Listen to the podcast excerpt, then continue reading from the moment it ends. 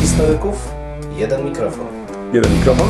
Dwóch historyków? No nie, ale to znowuż mi wszedłeś w paradę. No tak zazwyczaj się dzieje. Profesor Krzysztof Równiewicz. Profesor Przemysław Wiszewski. Próbujemy nagrywać to, co nas ciekawi, to, co nas kręci, ale zawsze w kontekście historii. No niestety, takie już mamy, że tylko o historii, chociaż czy zawsze na poważnie? No nie zawsze, a przede wszystkim historia to cały świat. To nie tylko to, co minęło, ale też to, co jest teraz. Chcemy pokazać, że w historii można poznawać się w różny sposób. Zdecydowanie w różny sposób i nawet można się nią bawić. Państwo wszyscy widzą, że się uśmiechamy, więc my się też bawimy nieźle. Bardzo dobrze. Dwóch Liczymy historyków, jeden mikrofon. Jeden mikrofon? Dwóch historyków. Kolega coś dzisiaj rozmarzony. Nie rozmarzony, tylko kolega tutaj powiedział, że mam uszami oddychać, no to staram No się nie, nie, nie, nie, wstrzymać. zaraz, zaraz, ale Jak ty nawiązujesz to, to, co nagrania, na to- końcu, to, co powiedziałem, ale No wcześniej właśnie. mówiłeś, No że jesteś tak, niewyspany, ziewasz i w To ogóle. jest szczera prawda, ale proszę Państwa, wszedłem Więc ja to tutaj, tak trochę inaczej, słuchaj. wszedłem tu do naszego studia Określiłem. bibliotecznego i od razu świeży zapach mnie uderzył, więc już jestem w dobrym nastroju. Świeży zapach. Ale kawy i ciasta nie ma. Kawy nie ma, ale właśnie czyszczono tutaj spirytusem ekrany i, i po prostu jest rzeźko. Tak, tak, czyli widzimy się dobrze. Widzimy się dobrze, wszystko jest dobrze. Słuchaj, tydzień temu, y, z pewnością sobie przypominasz, Państwo także, rozmawialiśmy o sztucznej inteligencji. Tak. I wyobraź sobie, że ten to temat e, towarzyszył mi w, w, w różnych odsłonach. Ostatnio od, przesłuchałem bardzo ciekawy, odsłuchałem, może tak, odsłuchałem bardzo ciekawy podcast poświęcony fotografii. No, nie jest to nic nowego pewnie, ale e, autor e, tego odcinka mm, zastanawiał się, mm, czy e, fotografia, która jest zrobiona przez sztuczną inteligencję, bo przecież także i takie przypadki już mamy, że em, podajesz na przykład e, swoje, swoje, swoje, swoje zdjęcie, z, na przykład jakieś portretowe i na przykład em, po wrzuceniu do, do, do takiego czy innego programu za chwilę dostajesz na przykład siebie gdzieś tam w innej części świata albo w różnych jakichś tam sytuacjach i tak dalej, gdzie ta, ta, ta twoja twarz jest po prostu wykorzystywana do tego, żeby na nowo stworzyć takie zdjęcie. Więc on się zastanawiał, czy to nadal jest zdjęcie, czy to jest po prostu zdjęcie, czy rozwój techniki faktycznie mm, nie zaczyna nam przekreślać e, tego w- tradycyjnego jednak e, mm, spojrzenia na to. Mm, On nawet poszedł dalej. On zakwestionował zdjęcia także robione przez e, aparaty dzisiaj w cyfrowe, e, uważając, że to też jest przekreślenie tak naprawdę tego, czym jest fotografia. To znaczy, bo tutaj odwoływał się do tej klasycznej definicji e, fotografii, czyli malowanie światłem, tak żeby to tylko Czyli przypomnieć. dagerotypy mu zostają.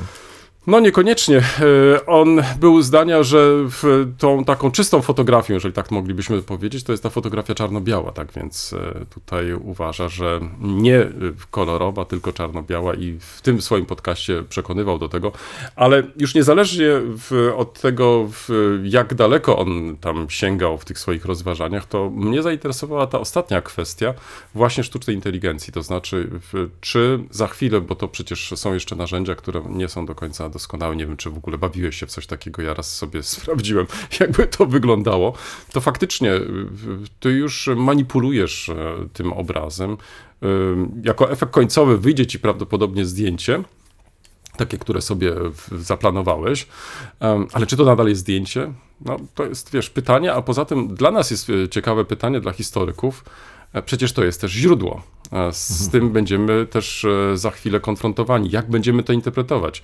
Czy będziemy to interpretować nadal jako zdjęcie, czy też e, jako wynik algorytmu na przykład, bo e, to samo zdjęcie, które było podstawą, może być przecież e, mm, mm, jako finalny produkt, e, w, na przykład e, pojawiać się w różnych jakichś tam odsłonach. To znaczy niekoniecznie musi być to samo zdjęcie, które sobie też zaplanowali, tylko to mogą być jakieś jeszcze inne mutacje i tak dalej, i tak dalej. No i do tego dochodzi jeszcze mm, kolejna e, sprawa, mm, jak generalnie traktować tego rodzaju źródła, jako źródła. Ostatnio spotkałem się nawet już i z takim zapisem listy i e-maile jako publikacja. Zobacz, czyli już nie ta y, klasyczna forma w, w, wymiany za pomocą listów, myśli i tak dalej, i tak dalej, gdzie masz te różne korespondencje takie czy owakie, tylko jeszcze dochodzi ten kolejny element, maile i maile. Nie, to, to tylko, akurat z tego to tylko się cieszyć, bo rzeczywiście też muszę stwierdzić, że od wielu lat już takiego klasycznego listu nie napisałem. To Niemożliwe. No oczywiście. Naprawdę? tak, w zasadzie cała moja korespondencja jest e, korespondencją elektroniczną. Ach.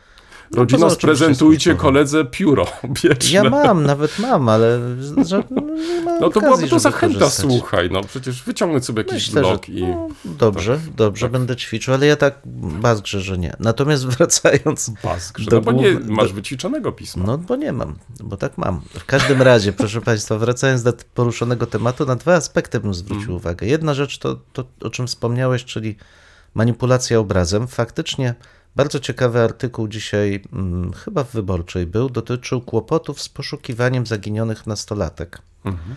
Osób, które nastoletnich, które wyszły z domu i nie wróciły. I problemem okazuje się być to, że rodzice nie mają ich prawdziwych zdjęć i odwołują się do tego, co mają w social media. Natomiast w tych mediach oni owszem mają swoje zdjęcia, ale w dużej liczbie są to zdjęcia po filtrach. Tak. Głównie z Instagrama oczywiście. I zestawienie tych zdjęć prawdziwych osób i tego, co e, pokazują na swoich Instagramach, no jest przerażające. To znaczy, te zmiany są bardzo głębokie. I teraz, kiedy pytasz się, czy to jest czyjeś zdjęcie, czy to jest źródło dla historyka, ja bym powiedział, że to oczywiście jest jakaś forma utrwalenia, ale nie rzeczywistości, ale wyobrażeń o rzeczywistości. Czyli przechodzimy na ten inny etap. To nie jest źródło opisujące rzeczywistość, ale wyobrażenie, emocje, pragnienia twórcy. Bardziej obraz niż, e, niż zdjęcie. Co też powinno nas zastanawiać, jak będą nasi przyszli następcy badać tą przeszłość i korzystać z tych social mediów, ale to jest ich zmartwienie. Natomiast ciekawy wątek w jednej z rozmów e, w trakcie weekendu dotyczący sztucznej inteligencji się przewinął, z którego my mniej zdajemy sobie sprawę, bo nie jest tak spektakularny, mianowicie głos. Okazuje się, że głos, sztuczna inteligencja, jak wiadomo, jest maszyną, która algorytmicznie przetwarza dane. Głos również może być odtwarzany z dużym podobieństwem, w niektórych przypadkach nawet stuprocentowych, na podstawie nagrań. O, dotyczyło to głównie osób, które podkładały swój głos w bajkach, bo to jest wielki biznes.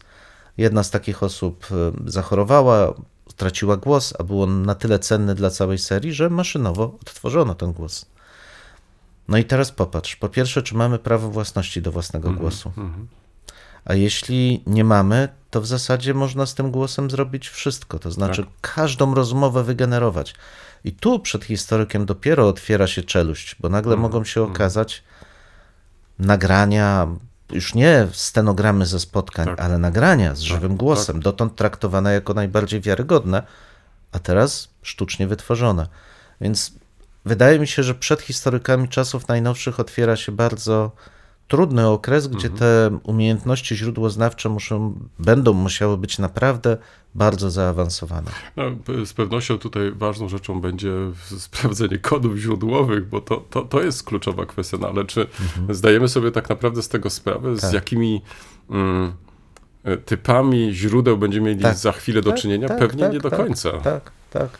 Zresztą wiesz, kody źródłowe może sprawdzić informatyki. To jest właśnie pytanie, na ile my będziemy w stanie, my, No, do, w ogóle zmierzam, gotowi że, do że czegokolwiek. Tutaj tak. w, także i w tym w zakresie powinieneś być kształcony, bo zwróć uwagę, przez chwilę zacząłem tak się zastanawiać, przecież to nic nie stoi na przeszkodzie, żeby na przykład e, mm, mając nagrania jednego polityka przykładowo, Mhm. e, mm, skonstruować jego wypowiedź, która może być przeciwieństwem. Oczywiście, że I tak. na przykład mogą minąć lata i ty na przykład po latach znajdziesz nagranie, m, które może się okazać rewelacją, a tak, naprawdę będzie zwykłą fałszywką. Dokładnie tak. Tak. Zresztą to jakby znowu ni, nic ciekawe. nowego, bo wszystkie, pamiętasz, pamiętniki tak. Hitlera, które były Tak, pisane, naturalnie. Mhm. to wszystko już było, tylko i, i to uważam nie jest tak, że można stworzyć idealne fałszerstwo, Mhm. ale stopień skomplikowania tego warsztatu pozwalającego odróżnić to, co Odróżnić, co jest rzeczywiście prawda, a jest, co jest fałszem. Tak. będzie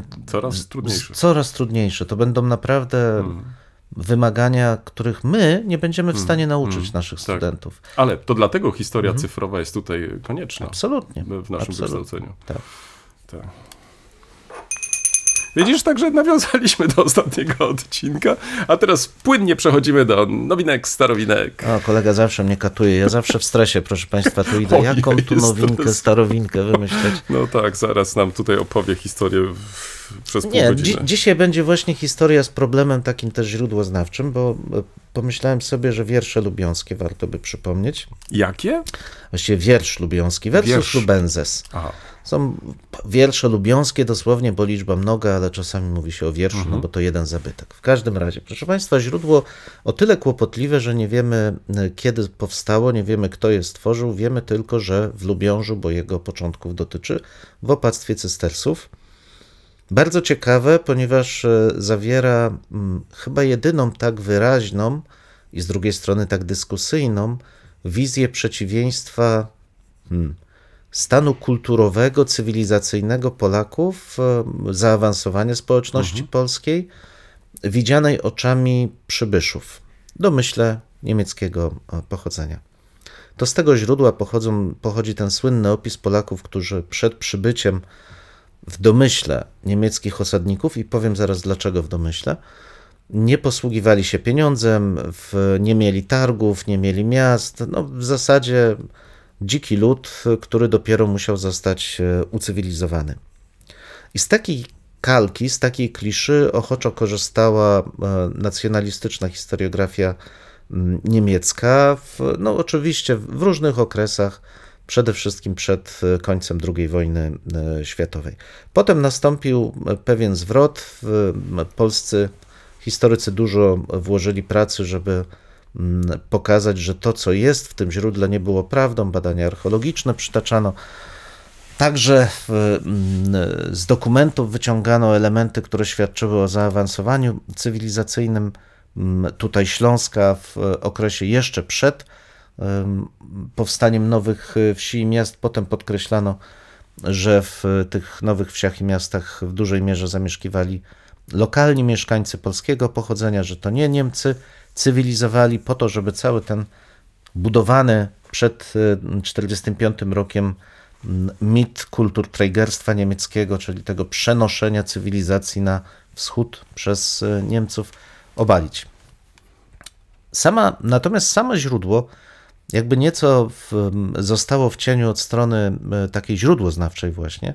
Tymczasem nie jest ono tak jednoznaczne, jak chcieliby i niemieccy, i polscy historycy, bo owszem, pokazuje bardzo wyraźnie, że mm, lokalni Polacy, żyjący w e, relacji e, z e, mnichami, m, zdaniem autora byli na bardzo niskim poziomie cywilizacyjnym. Tego nie sposób zaprzeczyć. Natomiast Problemem jest to, że autor nie pisze tego z perspektywy, czy nie przeciwstawia inaczej. Nie przeciwstawia Niemców Polakom i Polaków Niemcom, tylko przeciwstawia cystersów Polakom. Jednym słowem, jego zamiarem, ponieważ jest to klasyczny utwór, e, tak zwany origines o początkach klasztoru, on chce pokazać dwie rzeczy, że cystersi przybywszy na, do Lubiąża zastali tutaj rzeczy straszne, między innymi benedyktynów, którzy nie wykorzenili pogaństwa, chociaż byli tutaj już od dłuższego czasu, że to cystercom należy więc za, zawdzięczać odrodzenie kulturowe, bo przyjęcie pełnego chrześcijaństwa w regionie, ale też cywilizacyjne. To oni, cysterci, cywilizują okolice, w tym lokalny lud, który jest ludem polskim. Nie ma tutaj słowa o osadnikach niemieckich, nie ma tutaj słowa o żadnych zmianach etnicznych. Ale ten fakt, że czynią to cystersi, nie jest tylko elementem jakiejś lokalnej dumy. W bardzo konkretnym celu ten cały utwór jest e, napisany, który streszcza się w ostatnich w zasadzie jego linijkach, kiedy mowa jest o tym, że cystersi wszystko, co osiągnęli, zawdzięczają sobie. I to jest clue, ponieważ z jednej strony autor wspomina, że fundatorem był książę, można by sądzić, i w zasadzie tak podnosili to też książęta oleśniccy, którzy bardzo mocno akcentowali zależność Lubiąża od dynastii piastowskiej, że to dynastii piastowskiej cysterci wszystko zawdzięczają. Ale oni z kolei na swój własny pożytek, mnisi, wykreowali inną wizję tej przeszłości. Owszem, fundator był ważny, ale taki sobie, bo to go wygnali, to musiał wracać. no nie był w stanie zapewnić im dobrych podstaw gospodarczych, zwłaszcza, że osadził ich w tak dzikim miejscu. Dopiero cywilizując tą dzicz, cystersi sprowadzają w właściwe fundamenty, właściwy kształt swojego opactwa. Kwestie etniczne odgrywają tu mniejszą rolę, bardziej jako przeciwieństwo my, oni, niż Niemcy, Polacy. One gdzieś są, ale to raczej wymieszane dwie identyfikacje. Identyfikacja grupowa, cysterska, z identyfikacją tą ludzi świeckich, Polaków żyjących dookoła e, klasztoru. Mówię o tym głównie dlatego, żeby pokazać, jakie wyzwania stoją przed e, czytelnikiem takiego źródła. Warto uważać, warto trzy razy zastanowić się, przeczytać, bo łatwo uogólnienia, które mogą okazać się mm, przenosić, czy mogą okazać się krzywdzące w tym sensie, że przenoszą nasze oczekiwania, że my oczekujemy tych etnicznych e, przeciwieństw, tymczasem dla współczesnych ważniejsza była ta identyfikacja bliższa, dziś powiedzielibyśmy zupełnie lokalna, na którą dopiero nakładano te klisze o nieco szerszym charakterze. To jest ciekawa historia. Um, interesowałeś się kiedykolwiek lotami balonów? No nawet mój szwagier leciał ostatnio. Proszę.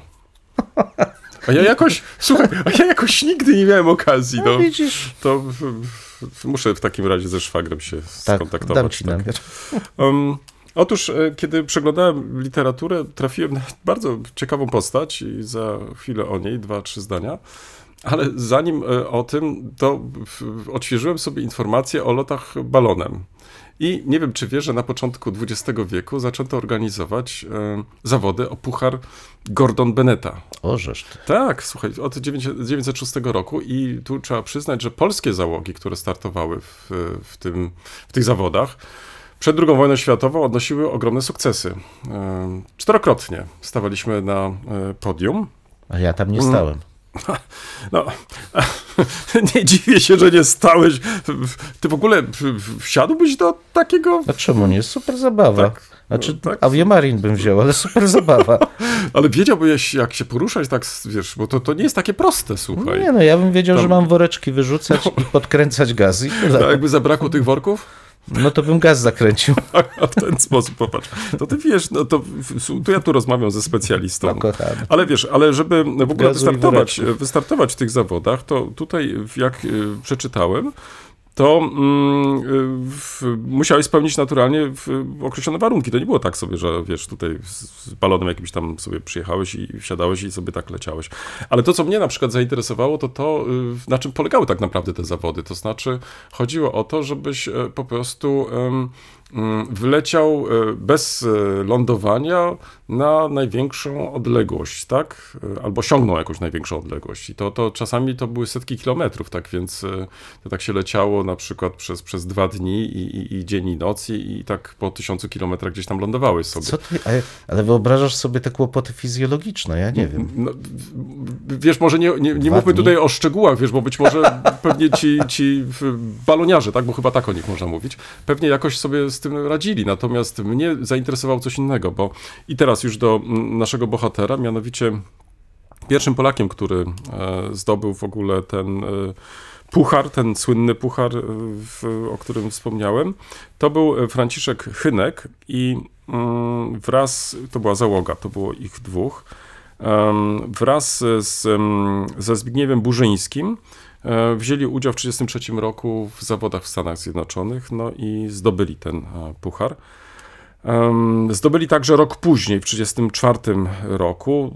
Zwyczaj e, taki jest, że mm, to w kraju zwycięzców e, organizuje się następne zawody, tak więc e, tym razem nie w Stanach Zjednoczonych, tylko w Polsce te zawody się odbyły. I teraz, co mnie zaciekawiło, tu widzisz, moja wiedza jest zbyt mała, więc nawet zamówiłem sobie już teraz książkę o głównym bohaterze. Jest, jest biografia, która się ukazała kilka lat temu, że oni polecieli w kierunku em, Związku Radzieckiego. I wyobraź sobie, wyobraź sobie, gdzieś tam lądowali. E, Więc mm, tak się zastanawiam, to jest rok 34, No dobrze, podpisaliśmy pakt e, w, o nieagresji, tak, e, ze Związkiem Radzieckim, jak sobie przypominam. E, I, i, i czy, czy, czyli, ale, ale dalej paszporty chyba trzeba było mieć, prawda, czy jakieś tam No, inne, no wiesz, no też jeżeli się uczestniczyło w tych zawodach, no w każdym razie udało im się przekroczyć te różne granice i, i, no, i nie zostali zestrzeleni, to też jest ważne, także tutaj. Ale postać jest bardzo malownicza, bardzo ciekawa, warta spopularyzowania. W, w jaki sposób trafiłem na nią, to będzie związana z tym też moja lektura e, w dalszej części naszej rozmowy, ale tutaj mm, chcę pokazać, że wychodząc z jakiegoś szczegółu, a mnie interesował jedna, interesowała jedna z filii obozu koncentracyjnego e, w Grossrosen w Miłoszycach. Em, Hynek był więźniem tego obozu, więc to mnie zainteresowało i chciałem coś więcej dowiedzieć się na temat tego, tej postaci. No i faktycznie, kiedy zacząłem y, szukać, to pojawiało mi się coraz więcej informacji. I, i nawet wyobraź sobie, połączyłem to z Kaszubami. Pewnie byś się zastanawiał, jak to jest możliwe, zaraz będzie słonia sprawa polska. Nie, nie, nie, nie. Wyobraź sobie, w, w, tutaj są różne koleje losu, odsyłam do naprawdę bardzo dobrych e, w, mm, informacji w, internecie. Ale co ciekawe, w, w, Hynek uległ wypadkowi w 1958 roku. Do dzisiaj okoliczności tego wypadku nie są e, jakoś, jakoś e, w, tutaj w, wyjaśnione, ponieważ e, dokumentacja później do w, tego wypadku po prostu zaginęła i nie ma. E, W 1958 roku w, udał się w, w lot balonem. No i w, w, doszło do wypadku pod Kościerzyną, także na Kaszubach, zwróć uwagę. Tam też podobno w miejscu, gdzie mm, doszło do tego wypadku, em, em, ufundowano taką tablicę pamiątkową. Jak będę następnym razem, to, to, to chętnie w, zwrócę na to uwagę. Jakoś tym razem mm, umknęło mi to. Em, Niezależnie od tego, e, tutaj pojawia się jeszcze inny wątek, to znaczy ten jeden wątek, ten przedwojenny, to już wspomniałem o tym, że to można było latać i to byłoby też ciekawe do wyjaśnienia, jak, w jakich okolicznościach można to, to było robić. Em, Natomiast po II wojnie światowej pojawił się inny problem, który być może pamiętasz, to była ta tak zwana akcja balonowa, która była organizowana y, zwłaszcza z Republiki Federalnej Niemiec y, w kierunku Polski, gdzie wysyłano różnego rodzaju materiały propagandowe. Mm, Tutaj w, w, w różni autorzy, którzy pisali na temat y, tej katastrofy y, wspomnianego Franciszka Hynka, albo Hyneka, Hynka, em, zwracali uwagę, że, że, że to chyba to, to nie ma takiego związku, to znaczy, żeby doszło tutaj do na przykład zderzenia i tak dalej, bo to, to raczej był za bardzo. Mm, em, to, to był, krótko mówiąc, specjalista, to znaczy to, to w, w, on tutaj faktycznie w, latał przez wiele dziesiątków lat i, i, i to był zawodowiec, krótko mówiąc, więc em, z pewnością tutaj bez większych problemów by sobie poradził. Pojawiła się jeszcze inna w, w, m, taka w, teoria, w- jak mógł, e, mogło dojść do tej, do tej katastrofy, że któryś z policjantów, wtedy milicjantów, e, strzelił do tego w, balonu. No właśnie, w, w, w, ponieważ był konfrontowany wcześniej z tymi balonami z zachodu, podobno na Kaszubach. Tego też nie sprawdziłem, ale przeczytałem, że podobno e, sporo tych balonów lądowało na Kaszubach e, i, i, i te ulotki po tych polach się tak e, właśnie walały i tak dalej, i tak dalej.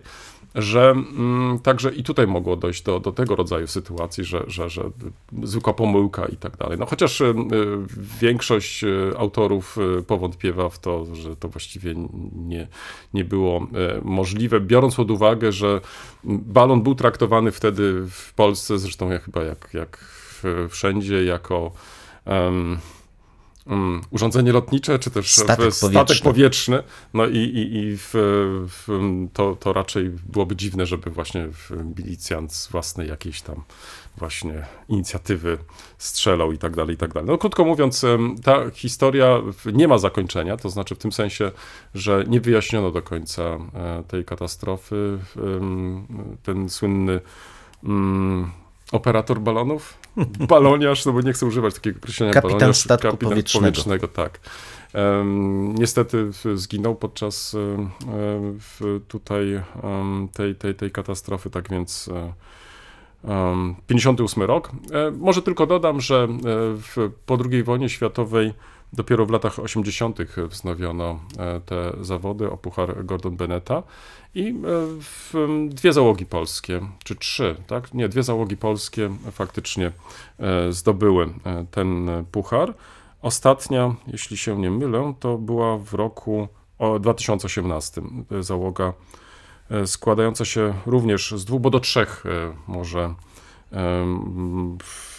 trzy osoby mogą uczestniczyć w takich zawodach w tym, w tym, tym, tym balonie. Widzisz, popatrz, jak, jak, jak to jest. Jak, jak, jak to jest dla mnie temat nowy, że, że ale ty mógłbyś mnie teraz poprawić, że jest, jest, bo jest ten kosz, tak, czyli w tym, do tego kosza... Gondola. Go, gon, no, ale to nie jest kosz. Jakoś tak mam zawsze, wiesz, wyobraźni, tak, wiesz, tutaj to, tak. No dobrze, do, do gondoli może tylko wejść, mogą wejść tylko trzy osoby.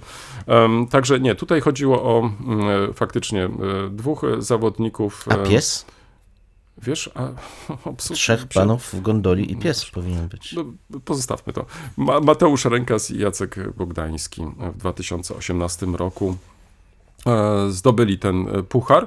Tak więc e, Polska myślę, że wcale nie jest tak mm, źle, jeżeli chodzi o mm, te zdobyte puchary, bo w sumie zdobyła sześć, także mieści się jeszcze w, w pierwszej dziesiątce na siódmym miejscu. No kochany, ja uważam, że w ogóle w ostatnich latach tradycja robienia w balona ma ogromną przyszłość, więc ja uważam, że dobrze znowu. trafiłeś się z tematem, to jest super, to nic dziwnego, nic dziwnego. Ale, ja naprawdę ciebie nie chciałem zrobić w balona, tylko w, tak wiesz... e, Nie musisz, są więksi.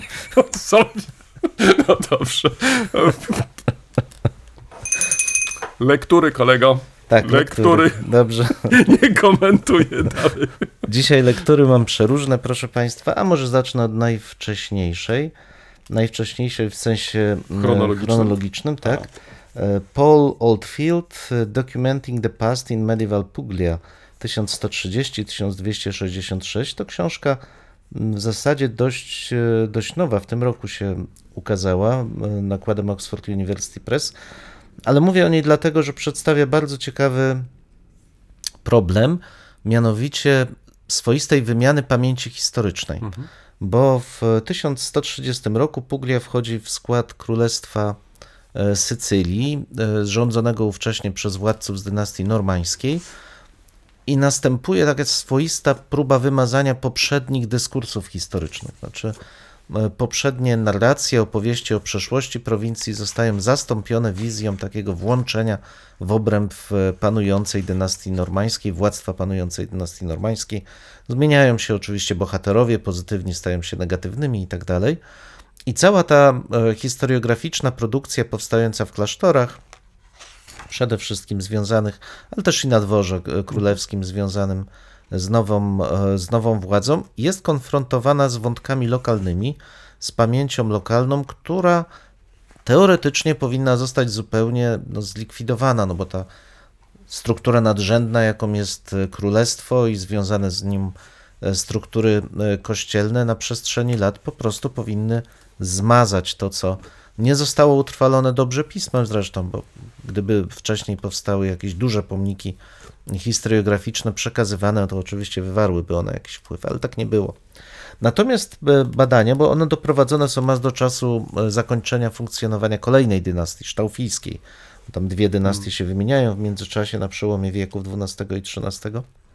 Ale co ciekawe, okazuje się, że zwłaszcza w dokumentach, w takich, tej części narracyjnej dokumentów, gdzie pojawiają się uzasadnienia, różne opowieści o tym, dlaczego taka, takie a takie prawo trzeba zmienić i tak dalej, przebijają się wątki lokalnej pamięci, takie wspomnienia, czy właściwie klisze narracyjne, które cały czas funkcjonują w miastach, ale nawet na poziomie poszczególnych gmin, e, gmin wiejskich. I na tej podstawie autor stara się pokazać, w jaki sposób te dwie maszyny pamięci, jeśli można tak powiedzieć, oficjalna, państwowa, buduje pewną wizję, ale ona jest konfrontowana z tą pamięcią lokalną i ta pamięć lokalna jakby podgryza ten wielki monument i gdzieś tam utrwala się w dokumentach, w źródłach, które niekoniecznie są e, identyfikowane przez nas jako źródła historiograficzne.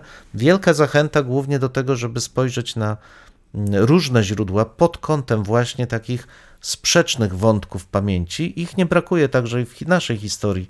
Można taką wielowątkowość e, pamięci historycznej e, bardzo ciekawie badać, choć zawsze pozostaje tutaj niedosyt, bo zazwyczaj mamy do czynienia jednak z kompletną wizją tej pamięci dominującej, a tylko rozrzuconymi wątkami tej konkurujących, właściwie nie jednej, bo konkurujących wizji pamięci. No ale kapitalna sprawa, bo pokazuje nam, jak bardzo różnorodna jest historia, jak bardzo w tym samym czasie różnorodne wizje przeszłości krążą w tym społeczeństwie, bardzo już e, piśmiennym, trzeba dodać, bo to jednak są, e, to jednak są Włochy.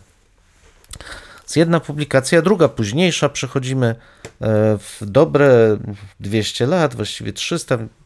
Bolek, Bolko V Opolski, władca żyjący w latach 1400-1460. On jest zapamiętany w polskiej historiografii głównie przez fakt wspierania husytów. W pewnym momencie walczył z nimi, potem się z nimi dogadał, żeby nie niszczyli jego, e, jego księstwa i jakoś dał się przekonać tej ideologii, zasłynął tym, że e, likwidował klasztory, przejmował ich włości.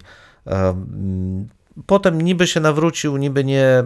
No, wiadomo, czasy politycznie się e, zmieniły, ale monografia, czy właściwie biografia wydana przez Dawida Radka jest to tyle ciekawa, że prezentuje czeski punkt widzenia, bo historyk pochodzący z Czech, związany z Uniwersytetem w Opawie, notabene bardzo ciekawy ośrodek badań śląskoznawczych, mniej znany może w, powszechnie, a, zasługujący jak najbardziej e, na to. Przedstawił ciekawą, ciekawą monografię, bo nie tylko skupił się na mm, tej stronie takiej faktograficznej, gdzie różnych e, ciekawych wątków wiele e, porusza, ale także starał się pokazać funkcjonowanie swoistej legendy Bolka. Zresztą poświęcił temu osobny artykuł Czarnej Legendzie Bolka V. Stara się go tutaj pokazywać jako zarówno z jednej strony współpracownika e,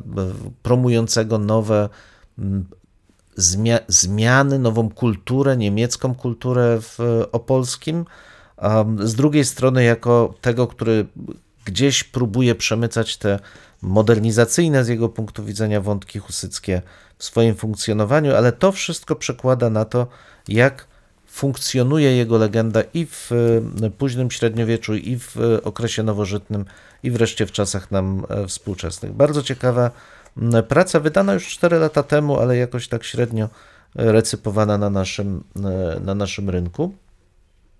I trzecia publikacja, którą kolega mi podesłał, to e, wydana przez Muzeum e, Niemczańskie? Niemczańskie. Miałeś czas? Tak, Tak, tak? O, przejrzałem. świetnie. Pagus Silenzi.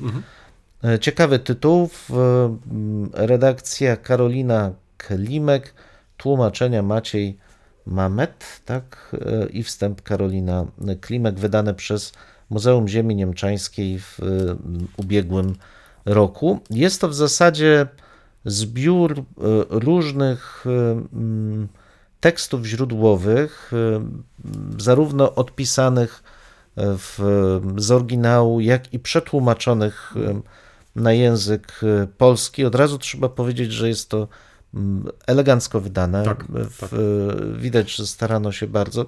Są pewne problemy, mm, powiedziałbym, związane z kłopotliwym składem tabel, ale naprawdę są to. Ale nie uważasz, że na przykład to zestawienie mm, niemieckiego oryginału z Mhm. polskim tłumaczeniem, e, tym takim równoległym, że możemy czytać jedno Kapitalna i drugie, rzecz. bardzo fajnie to zostało Kapitalne, w rozwiązane. ogóle te bilingwiczne Mm, właśnie tak. wydania e, w, cieszą się ogromną popularnością, bo pozwalają i tym zainteresowanym. Zwłaszcza, zwłaszcza w kontekście życia codziennego, bo tutaj Oczywiście, że jest tak. materiał tego typu. Tak, no właśnie do tego Mhm. chciałem nawiązać, bo jednym z elementów tych, e, tych różnego typu Mhm, są tu źródła. Ja nie no, rozumiem, że wybrano takie, które wydawały się najbardziej interesujące, bo są te, te, ten skład tych Tak, źródeł tak. jest bardzo różny.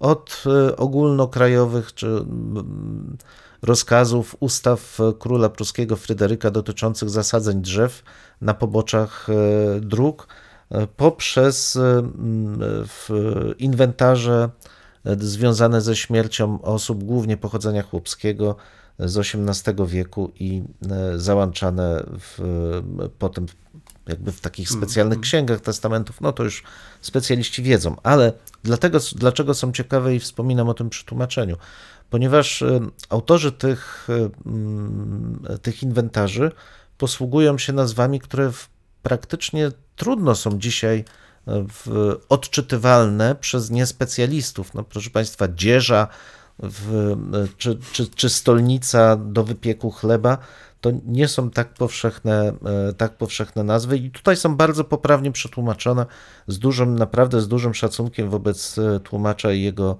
mm, jego pracy. Czyli publikację można potraktować też jako słownik. No niekoniecznie, znaczy tak bym daleko nie poszedł. Y, Nie poszedłbym tak daleko, dlatego że mamy tu do czynienia jednak ze specyficznym źródłem i ja sam, mając ileś takich inwentarzy za sobą, wiem, że jak bardzo różnią się, mm, różni, różnią się terminy w odniesieniu do poszczególnych nawet części Śląska, więc co do słownika byłbym ostrożny, bo musiałby też specjalista dobrze przejrzeć te tłumaczenia, ale ja naprawdę jestem pod dużym, pod dużym wrażeniem pracy, jaka została w to włożona. Różne źródła są i dotyczące wypieku e, pierników, są dotyczące rzeczy nawet tak szczegółowych, jak życzeń składanych przez chrzestnych e, ochrzczonym świeżo, e, świeżo dzieciom, więc i są zdjęcia też tych Piękne, życzeń tak, pięknych, e, pięknie zrobionych. Jest trochę informacji też dotyczących zabytków e, natury, kultury ze Ślęży i, i okolic. E, Szczerze polecam, jeżeli ktoś ma ochotę poznać taki fragment nowożytnego życia, późno nowożytnego życia e, w jednej z prowincjonalnych części e, Śląska, kapitalne źródło, wielki ukłon dla wszystkich zaangażowanych z Muzeum Niemczańskiego za wydanie tego, mm, te, tej książki. I to Ja musiał się jeszcze, wiesz, do, dopytać, czy będziemy mogli na przykład e, dać link do publikacji, bo A no właśnie, byłoby e, dobrze. my otrzymaliśmy, e, nam przesłano tą publikację Mhm, w wersji elektronicznej, ale nie wiem, czy ona jest tak ogólnie dostępna na stronie. Ale Mhm. to, to jest do wyjaśnienia. Do Myślę, wyjaśnienia. że em, to nie stanowi większego problemu. To skoro podjąłeś problematykę regionalną, dziękuję koledze, bo Proszę tutaj bardzo. e, mam piękne przejście z kolei do moich e, publikacji. Tym razem chciałbym zwrócić Państwa uwagę i kolegi, jeżeli dotąd e, tego nie zrobił, na serię publikacji pod wspólnym tytułem Inni ludzie powiatu oławskiego. Ukazało, się dotąd, ukazało się dotąd cztery tomy i tak jak zapowiada tutaj tytuł, nie chodzi w, em, w, o mm, przybliżanie osób e, może z pierwszego rzędu, ale takich postaci, które mm, odegrały dla dziejów e, mm, Oławy, ale także i powiatu oławskiego, e, odegrały znaczącą rolę. Często też i taką, że mm, dopiero dzisiaj potrafimy docenić e, ich e, mm, wkład, ich, ich zaangażowanie. Być może faktycznie potrzebny był ten dystans czasu, żeby to, po prostu zrobić. I mm, są to mm, e, głównie materiały dziennikarskie, które zamieszczono w tych e, e, tomach, które mm, były publikowane wcześniej w, na łamach gazety, która wychodzi od wielu lat, Gazety Powiatowej Wiadomości Oławskiej. Wstępu do każdego z tych tomów Mm, Wstęp napisał redaktor naczelny wspomnianej gazety Jerzy Kamiński. I pozwól, że przeczytam może jeden e, z akapitów tego wstępu. Pozwalam. Dziękuję. Szukaliśmy bohaterów, e, których historię można określić jako zamknięte, bo już więcej chyba nic się nie zdarzy, bo często śmierć bohatera kończy jakiś rozdział, stawia kropkę. A jednocześnie są to w pewnym sensie opowieści otwarte, bo dzięki uniwersalnym wartościom zawierają los wielu. Można w nich zobaczyć kawałek własnego cienia, swojego śladu. Książ... Pierwszy tom ukazał się. Poczekaj, żeby tylko. Tak, ukazał się w 2015 roku, czyli zwróć uwagę, um, od 2015 cztery tomy, no to chyba całkiem, Całkiem fajna. Tak, tak, całkiem tak. fajna w- regularność wydawania. No i jest to ogromne bogactwo wiedzy o. Koledze przekażę trzy, bo czwarty będzie mi jeszcze potrzebny. Bogactwo w informacji. W, I teraz y, nie chodzi tutaj o przedstawienie tylko mm, tematów e, powojennych dziejów, e, bo także i takie się tutaj znajdują, jeśli chodzi o historię Oławy, ale także i powiatu oławskiego. Ale co w, mnie szczególnie zainteresowało, poznajemy też e, losy niemieckich mieszkańców, ale także i żydowskich mieszkańców. I tutaj faktycznie mm, z takim zacięciem reporterskim, ale naprawdę na bardzo wysokim poziomie. Em, Każdy z autorów zadał sobie sporo trudu, ażeby sięgnąć po różne źródła, żeby przybliżyć te źródła. I to, co bardzo mi się podoba w tych e, publikacjach, to mm, zadbano też o w, stronę tą e, ilustracyjną. Znajdziesz tutaj sporo ciekawych zdjęć, e, sporo e, ciekawych ujęć, e, które pozwalają ci trochę inaczej spojrzeć na miasto, na powiat, na, na losy poszczególnych osób. I teraz em, bardzo dużo tutaj znajdziesz e, historii takich, e, bym powiedział, no typowych może dla historii Polski, bo przecież e, większość mieszkańców e, znalazła się dopiero po II wojnie światowej, więc ona przybyła skądś. Więc te historie, które tutaj opowiadają, to oczywiście znajdziemy i Sybiraków, znajdziemy tutaj i osoby, które walczyły w, e, w, na Zachodzie podczas II wojny światowej, ale znajdziemy także i takie historie, które wydawałoby się no, praktycznie mm, no, nadawałyby się na, na, na nie jeden film, na, na, na, na jedną powieść, bo są tak barwne, są tak zróżnicowane i tutaj wręcz e, autorzy przekonują nas do tego, że do jednej biografii można byłoby wpisać kilka tych biografii i to kapitalnie wychodzi, kiedy czytasz e, te, te teksty. I to, co mnie bardzo w, w, zainteresowało, że nie nie postanowili tego w jakiś sposób e, sformatować, to znaczy te teksty są o różnej objętości. Em, Mam wrażenie, że chodziło tutaj o to, żeby temat ten ująć z różnych perspektyw, ale e, tak go pokazać, żeby e, faktycznie kiedy czytasz e, taki tekst i kończysz ten tekst, to masz wrażenie, że to, to jest coś, coś zamkniętego, że, że faktycznie więcej już e, nie można z tego tematu wy, wycisnąć. E, I czyta się to z ogromnym zainteresowaniem. Pod koniec tygodnia tak się złożyło, że miałem trochę więcej czasu, więc e, myślałem, że tylko na jednym tomie się skoncentruję, ale mm, przejrzałem wszystkie i muszę ci powiedzieć, że jest to kapitalna lektura, bardzo dużo się dowiadujemy. Tutaj w, w, dziennikarze wspomnianej gazety wykonali świetną e, pracę, a myślę, że, a taką mam też nadzieję, że, że książki te też e, są wykorzystywane przez nauczycieli w szkole do w, lekcji na przykład na temat e, tej małej ojczyzny, żeby przybliżyć poprzez konkretne postaci. Losy, te złożone losy często mieszkańców e, miasta czy też powiatu. No i tak jak wspomniałem, ym, chciałbym się króciutko skoncentrować na czwartym tomie, ponieważ z różnych powodów ten e, tom mnie zainteresował. W jednym z, e, z takich powodów to e, przypadająca właśnie dzisiaj rocznica wyzwolenia jednego z największych, jednej z największych chwili obozu koncentracyjnego Grossrosen e, w, w Miłoszycach, Meleszwic albo Fünfteilchen, jak to woli.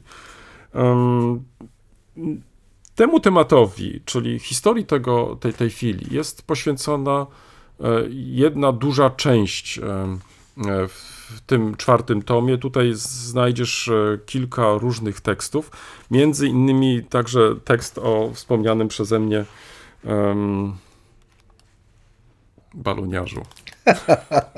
No, się śmiejesz, ale widzisz, mówię to z pewną ostrożnością, bo mm, nie ukrywam, że jest to dla mnie temat e, nowy, tak więc e, tutaj mm, e, poświęcono jeden artykuł mm, wspomnianemu e, w- Franciszkowi Chynkowi.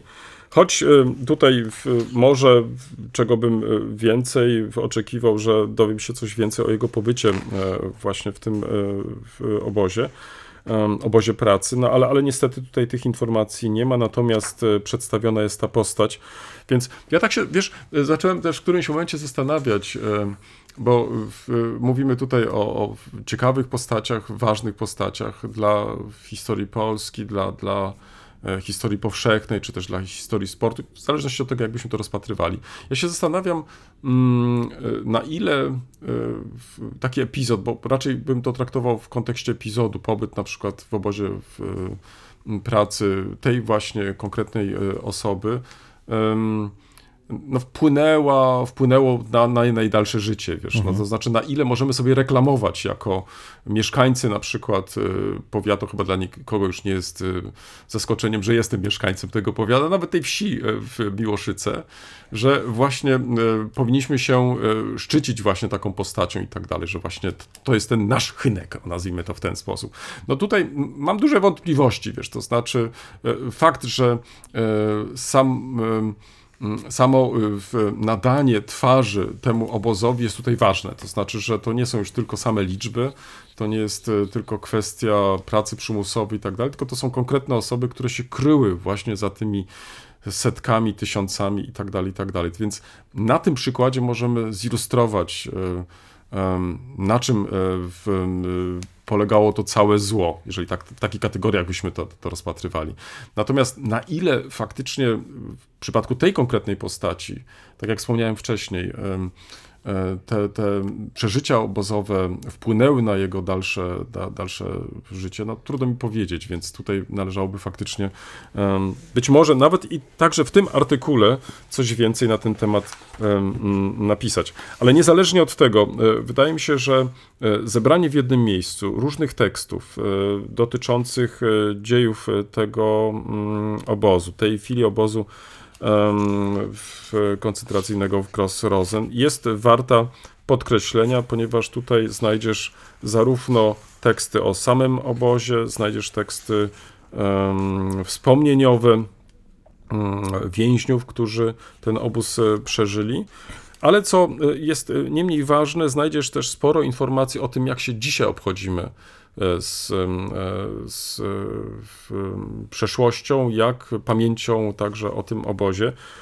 Jakie są e, działania podejmowane, lub też przed jakimi dylematami stoją mieszkańcy dzisiaj, którzy często przybyli w, w, tu, w tym konkretnym przypadku do Miłoszyc po II wojnie światowej i praktycznie e, zostali skonfrontowani z obcą historią, nazwijmy to e, w ten sposób.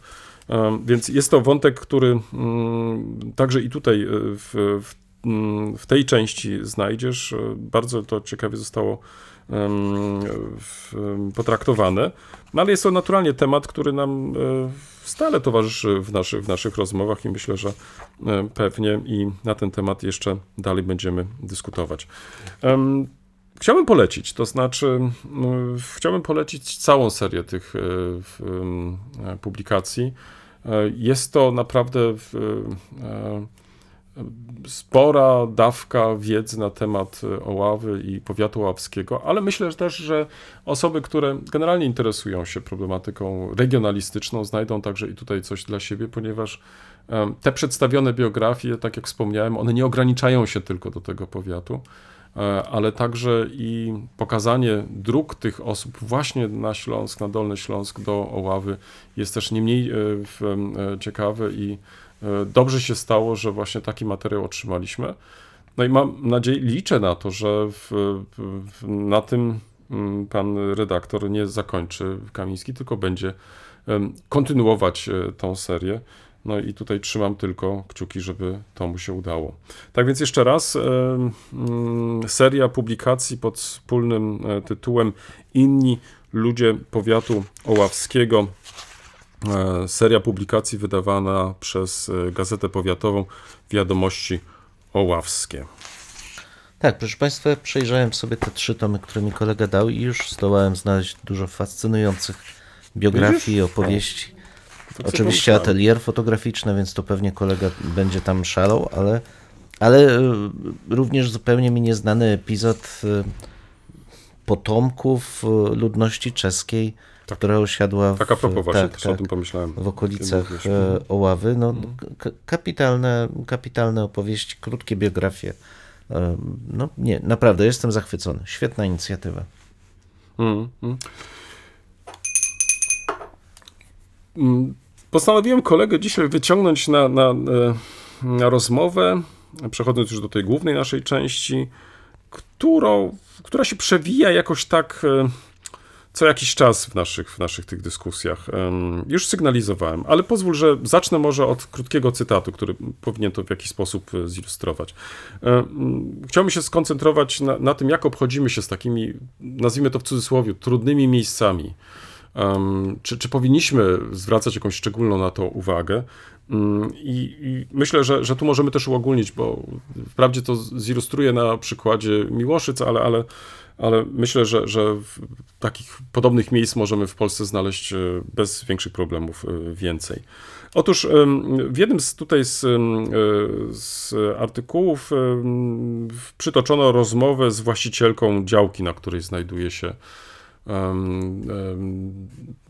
znajdował się e, w obóz pracy e, Fünfteichen, e, czyli ta filia obozu Grossrosen. Tu tylko dodam, że faktycznie jest to dzisiaj w rękach prywatnych. I tutaj wywiązała się z em, autorem artykułu, z Jerzym Kamińskim, bardzo ciekawa rozmowa. I tutaj mm, przytoczę ten mały fragment. Gdy kupowała pani te działki, znała pani ich obozową historię? Nie. A jak się już pani dowiedziała, to co? Nic. A co mam zrobić? Zamknąć wszystko i nie uprawiać? Jak pani zareagowała na informację, że tu była filia obozu koncentracyjnego? I tutaj odpowiedź: przykre to, ale na każdym kawałku polskiej ziemi, jakby dobrze poszukać, to ktoś umarł.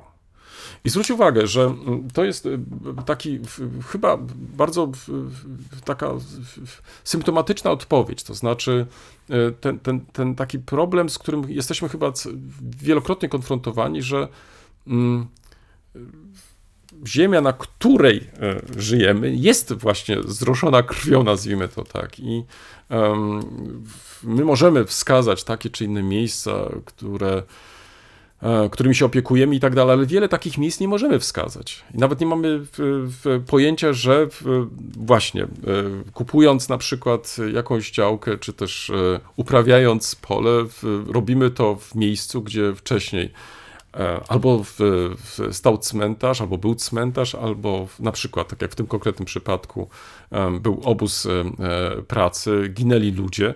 Tutaj może warto też dodać, że wraz z wyzwoleniem tego obozu w, w em, 23 stycznia w, nie zamknięto bram obozu, tylko e, w, on był dalej używany, tym razem już jako obóz jeniecki dla e, żołnierzy walczących w Festung Breslau. Do dzisiaj, to też jest ciekawe, do dzisiaj nie wiadomo, kiedy on został faktycznie e, ostatecznie zlikwidowany. Tutaj padają różne daty. Bez dostępu, przynajmniej takie jest moje wrażenie, bez dostępu do materiałów e, rosyjskich trudno nam będzie jednoznacznie mm, powiedzieć, kiedy ten obóz został e, zlikwidowany. Niezależnie od tego, e, w, w następnych dziesięcioleciach e, to miejsce przestało przypominać ten dawny obóz, to znaczy baraki rozebrano, w, w, w drut usunięto i tak dalej, i tak dalej. E, Jedyne, co świadczyło o tym, że w, w przeszłości coś się znajdowało na tym polu, to zachował się budynek, budynek komendantury i praktycznie to jest jedyna, jedyna taka oryginalna pozostałość, poza jeszcze jakimiś tam e, może ruinami e, takich czy innych budynków, które no praktycznie, jeżeli nie mm, e, jesteś tam na miejscu i temu się przyglądasz, to, to, to praktycznie to się dla osób, które przejeżdżają obok, nie rzuca się w ogóle e, w oczy. Tak więc jak obchodzić się z takimi miejscami? To znaczy, czy faktycznie to, co przed chwilą tutaj usłyszeliśmy, że no, no, jesteśmy bezradni tak naprawdę. To znaczy, w, em, no, no, no, zdajemy sobie z tego sprawę, że, że to, z tym jest związany jakiś problem, no ale nic nie możemy zrobić. To znaczy, no, musimy żyć, krótko mówiąc, dalej. Czy to, to jest właściwe podejście? Czy jednak na przykład nie należałoby się zastanowić nad tym, żeby objąć takie obszary, takie tereny, nawet jeżeli to nam do końca nie pasuje. E, Na przykład e, jakim, jakąś opieką e, konserwatorską, to znaczy, żeby jednak mieć tą świadomość, że, że jednak e, mamy do czynienia ze szczególnymi e, terenami, z, ze szczególnymi miejscami i tu już niezależnie, czy, czy, czy to jest w rękach państwa, czy też w rękach prywatnych, no powinniśmy jednak mimo wszystko zadbać o tą pamięć. No to są strasznie trudne tematy, nie? No bo z jednej strony w, historykowi bliska jest ta opcja, w której wiedząc e, od wszystkich cierpieniach, które były związane z funkcjonowaniem nie tylko tego obozu, bo przecież setek punktów, w których pracowali Tak robotnicy przymusowi, chcielibyśmy zachować o nich, e, o nich pamięć. A z drugiej strony, jeżeli wyobrazimy sobie wszystkie te momenty, miejsca, w których cierpieli ludzie z rąk innych ludzi, które no przecież też zasługują na upamiętnienie, to pojawia się to pytanie, które właścicielka, jak rozumiem, tych gruntów Mm, zadała. No ale jak mamy żyć? Tak. Przecież wkoło nas tego cierpienia jest e, ogrom.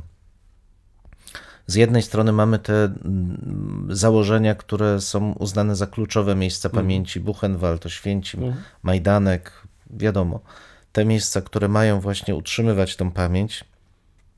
Z drugiej strony mamy miejsca, które teoretycznie powinny ją utrzymywać, ale trochę popadają w zapomnienie. Mówiłeś o Grossrosen. Tak. Przecież to, to jeden z podstawowych takich punktów pamięci o robotnikach przymusowych, obóz, który powinien trwać, a przecież ta pamięć się rozsypuje. Lata upływają i e, jako historycy my sami powinniśmy zadać sobie pytanie, jak upamiętniać, czy mniej już nawet jak e, pisać kolejne artykuły, ale jak tą pamięć o przeszłości wprowadzać w tkankę społeczną. Ja pamiętam twoje, twoje starania o upamiętnienie tu wrocławskich obozów, w, obozów pracy, w filii obozów, e, no między innymi Grossrosen, które rozsiane są po całym mieście. Wielu z nich w ogóle nie identyfikujemy. Mm. Zresztą to klasycznym przykładem był ten absurdalny zapis w tak zwanym raporcie dotyczącym e, szkód, które e, Rzesza, Niemcy wyrządzili Tak. Polsce w czasie II wojny światowej, gdzie w ogóle nie odnotowano tych obozów. Co pokazuje, że po prostu one nie istnieją w e, pamięci nie tylko społecznej, ale nawet w pamięci profesjonalnych e, historyków. Ja przyznam ci się szczerze, że mi bliższa jest ta opcja, którą zaproponowała właścicielka. To znaczy, że my musimy jakoś żyć, ale z drugiej strony upamiętnienie tych ludzi, mniej może nawet miejsc, ale ludzi, zwłaszcza w epoce cyfrowej, kiedy mamy możliwość poprzez e, nawet oznaczenie terenu, odpowiednie łącza, QR-kody, tych technologii jest dzisiaj dużo. Przenieść ludzi, którzy już wiedzą, że w tym miejscu coś się działo, w ten świat pełnej informacji, powinno być jakimś obowiązkiem. Natomiast czy wyłączać całe przestrzenie, mam duże wątpliwości, bo dlaczego jedną przestrzeń wyłączamy, innej nie wyłączamy? Tylko wiesz, tutaj pojawia się jeszcze inny problem i Mhm. myślę, że y, sytuacja nam się chyba jeszcze bardziej komplikuje. Mhm. Um, tu tylko dodam, że faktycznie kilka lat temu powstała inicjatywa, w, za którą stoi lokalna grupa zwiadowców historii, ażeby w miejscu, gdzie znajdował się obóz, em, postawić instalację, która by o tym przypominała. E, Tak się też stało, taką instalację postawiono, ale nie na w terenie, gdzie ten obóz się znajdował, tylko w, w, w, w pobliżu. E, Chciano uniknąć tutaj tej sytuacji, e, że ponieważ jest to teren prywatny, że trzeba byłoby tutaj e, negocjować, uzyskać zgody i tak dalej, i tak dalej. Jednocześnie mm, na inną rzecz trzeba zwrócić uwagę, stąd to skomplikowanie, że e, Ziemia nadal wyrzuca różne artefakty, które były związane z historią właśnie tego obozu. Tu nawet w tym konkretnym przypadku, to dzisiaj na przykład nie przeprowadzono ekshumacji w miejscach, gdzie e, faktycznie przynajmniej e, część e, mieszkańców w przeszłości wskazywała te, te miejsca, gdzie mogli być, mogły być pochowane ofiary i tak dalej, i tak dalej. Więc tutaj takich miejsc jak to podejrzewam, że jest więcej i to jest generalne pytanie. No dobrze, to, to jak mamy się z tym obchodzić? Bo oczywiście te artefakty można zbierać i to się czyni. E, jest specjalna izba, którą e, stworzono, gdzie właśnie w, jeżeli się znalazło, można oddać, ale tam i tak już się znajdują, e, w, znajdują się już sporo tych, tych, znajduje się tych sporo tych przedmiotów. Ale to nie zamyka cały czas sprawy, to znaczy Ziemia dalej będzie nam w, wyrzucać tego rodzaju przedmioty. No i teraz z jednej strony masz rację, no, trzeba jakoś funkcjonować, trzeba jakoś żyć, ale z drugiej strony, no, czy jednak mimo wszystko z, y, mając i posiadając tą wiedzę, my nie powinniśmy z większą dbałością podchodzić też do, do, do, do wydawania tych zgód, no bo to jednak, zwróć uwagę, no z taką sytuacją będziemy stale mieli do czynienia. To nie jest tak, że, że, że to jest jakiś przypadek, że, że no przecież nawet y, y, w, sprzedając taką działkę, sprzedając taki grunt, no nie sposób nie wiedzieć, z jaką materią mamy do czynienia. Chociaż równocześnie to mógłbyśmy powiedzieć, że zaraz, zaraz, no ale zobacz, y, ludzi chowano też w pobliżu kościołów, y, Tak. więc y, wystarczy wziąć pierwsze lepsze miasto i ta, ta przeszłość nam się strasznie Oczywiście, nawarstwia. I tak. teraz jak się z tym, no właściwie tutaj jesteśmy z tym konfrontowani, jak sobie, sobie z tym poradzić wszystkim?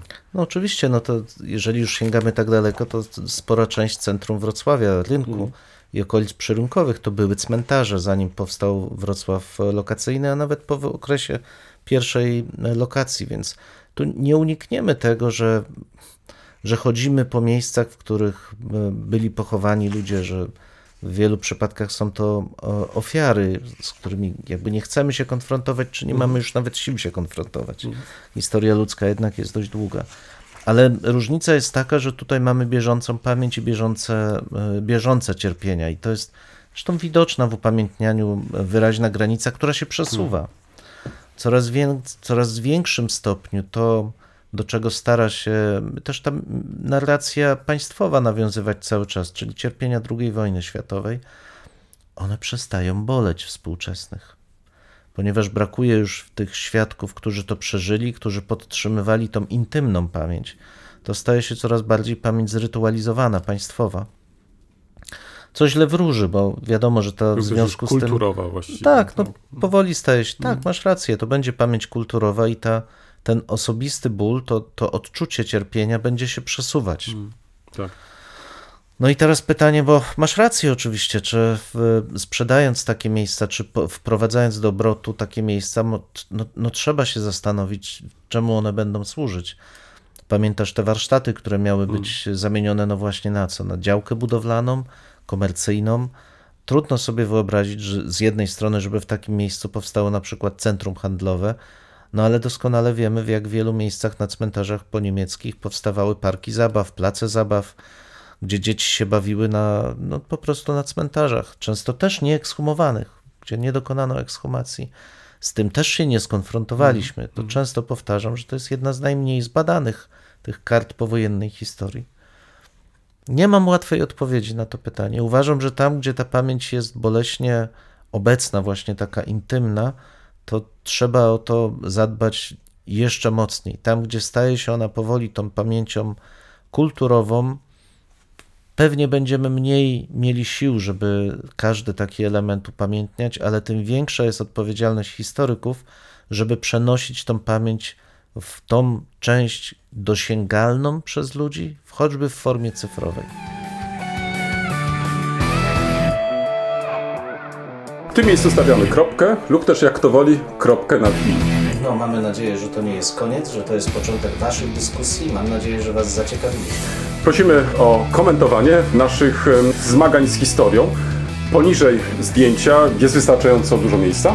I pamiętajcie, nie regulujcie odbiorników. No, my naprawdę tak brzmimy. E, tak, chociaż być może czasami e, może trzeba ściszyć. No może czasami ten nasz rechot by się przydało wyciąć nawet. Dwóch historyków, Jeden mikrofon, jeden mikrofon. dwóch historyków. Dziękujemy.